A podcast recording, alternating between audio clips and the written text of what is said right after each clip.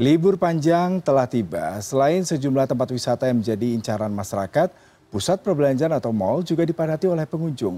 Lantas apakah tahun ini daya beli masyarakat sudah kembali bergairah di tengah kondisi perekonomian yang menghadapi berbagai tantangan?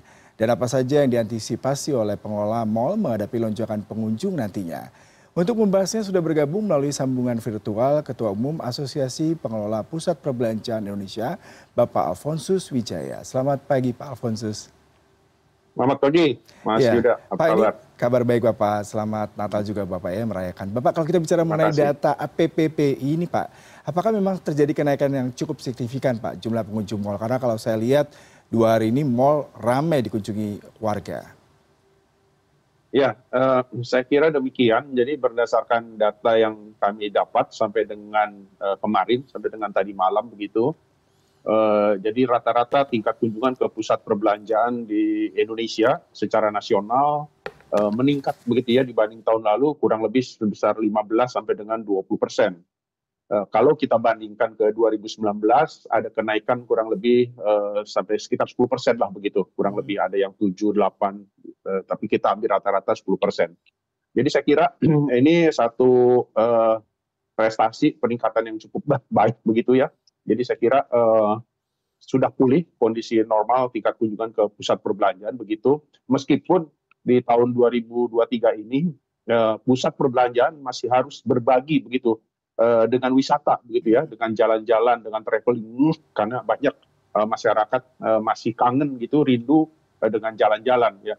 Uh, tetapi saya kira uh, tahun depan diperkirakan uh, pusat uh, uh, apa tra traveling wisata akan kembali normal begitu, bukan menurun ya, tapi kembali normal sehingga tingkat kunjungan ke pusat perbelanjaan diperkirakan tahun depan harusnya lebih baik lagi begitu. Tetapi hmm. sampai dengan kemarin saya kira sudah uh, pencapaian yang cukup baik begitu. Demikian.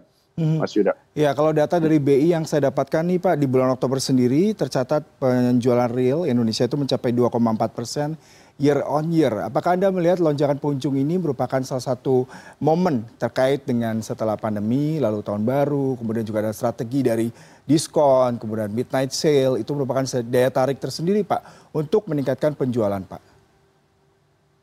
ya tentunya pertama memang eh, pandemi begitu ya telah berakhirnya pandemi tetapi pandemi ini kan saya kira eh, relatif sudah cukup lama juga selesai begitu jadi uh, ini sebetulnya lebih kepada dampak tren kondisi tren belanja di Indonesia uh, di mana puncak kunjungan ke pusat perbelanjaan itu kan biasa ada dua begitu ya. Mm. yang paling uh, peak season itu adalah Ramadan Idul Fitri.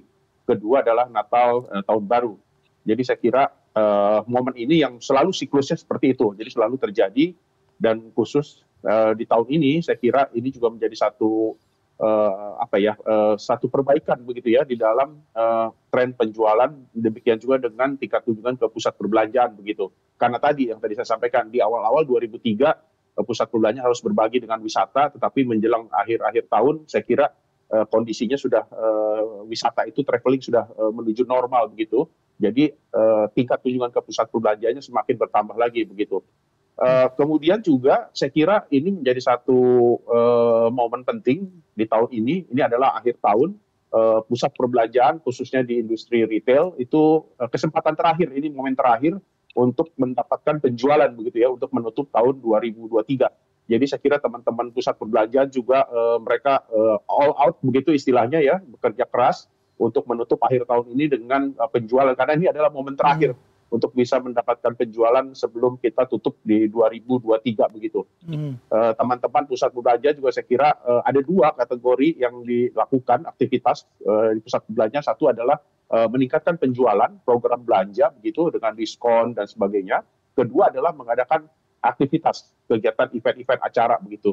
Jadi dua inilah strategi ini yang dilakukan oleh teman-teman pusat perbelanjaan untuk apa ya mendorong begitu uh, tingkat kunjungan ke pusat perbelanjaan begitu. Demikian hmm. Mas Yuda. Ya. Kalau dengan dua agenda tadi Pak, apakah bisa sangat cukup signifikan meningkatkan pendapatan kalau data dari Kadin nih Pak terkait dengan perputaran uang di Nataru 2023 itu targetnya mencapai 80,25 triliun.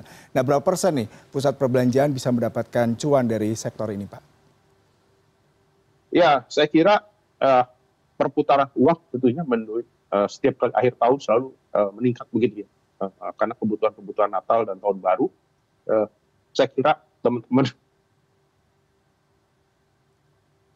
Ya, Bapak. Mohon maaf, ya. ada gangguan ini. Ya, ya Bapak. uh, saya kira, ya, ya, saya kira uh, perputaran uang tentunya meningkat ya setiap uh, Natal dan Tahun Baru menjelang akhir tahun.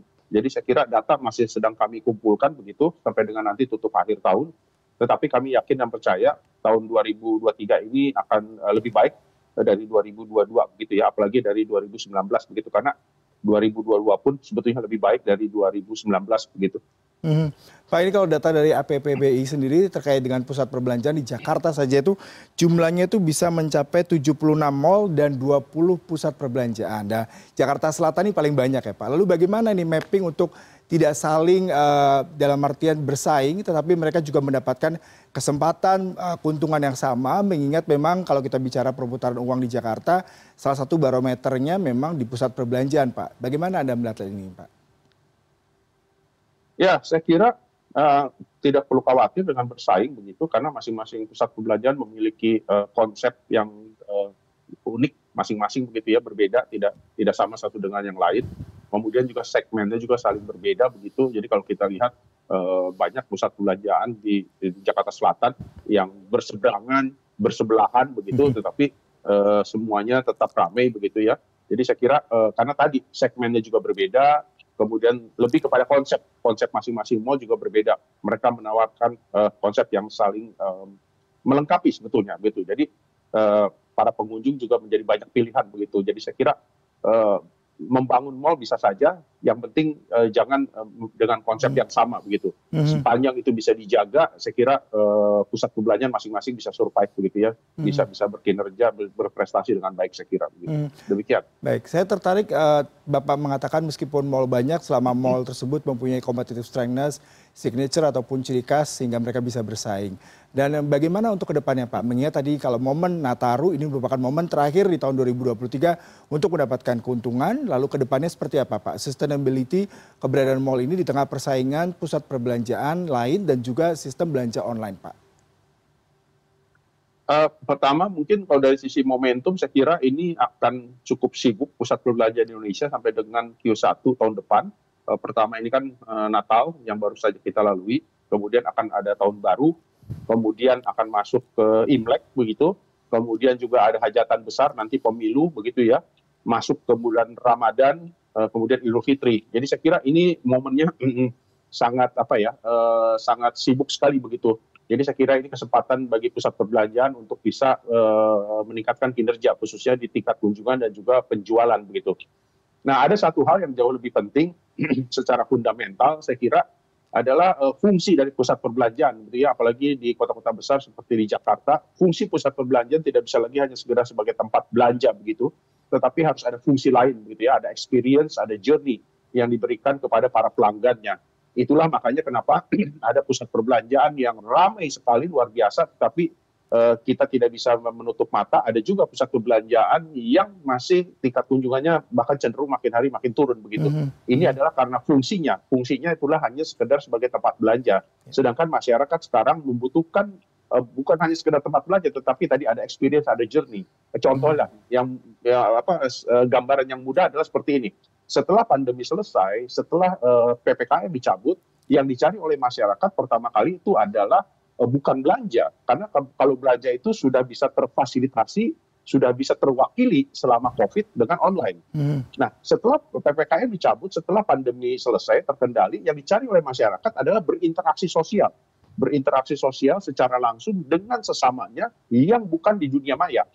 Itu di mana tempatnya? Adalah tempatnya salah satunya adalah di pusat perbelanjaan. Hmm kan tidak mungkin berinteraksi sosial di terminal, di stasiun begitu ya, apalagi di rumah sakit begitu. Salah satunya adalah pusat perbelanjaan. Nah, pusat perbelanjaan yang tidak memiliki fasilitas uh, bagi uh, pengunjung ya bagi pelanggan yang untuk berinteraksi sosial secara langsung dengan sesamanya yang bukan di dunia maya nggak akan dipilih. Mm-hmm. Jadi yang yang dipilih itu adalah yang memiliki fasilitas-fasilitas tadi. Jadi saya kira ini yang jauh lebih penting strategi panjang uh, bagi teman-teman pusat perbelanjaan ke depan begitu.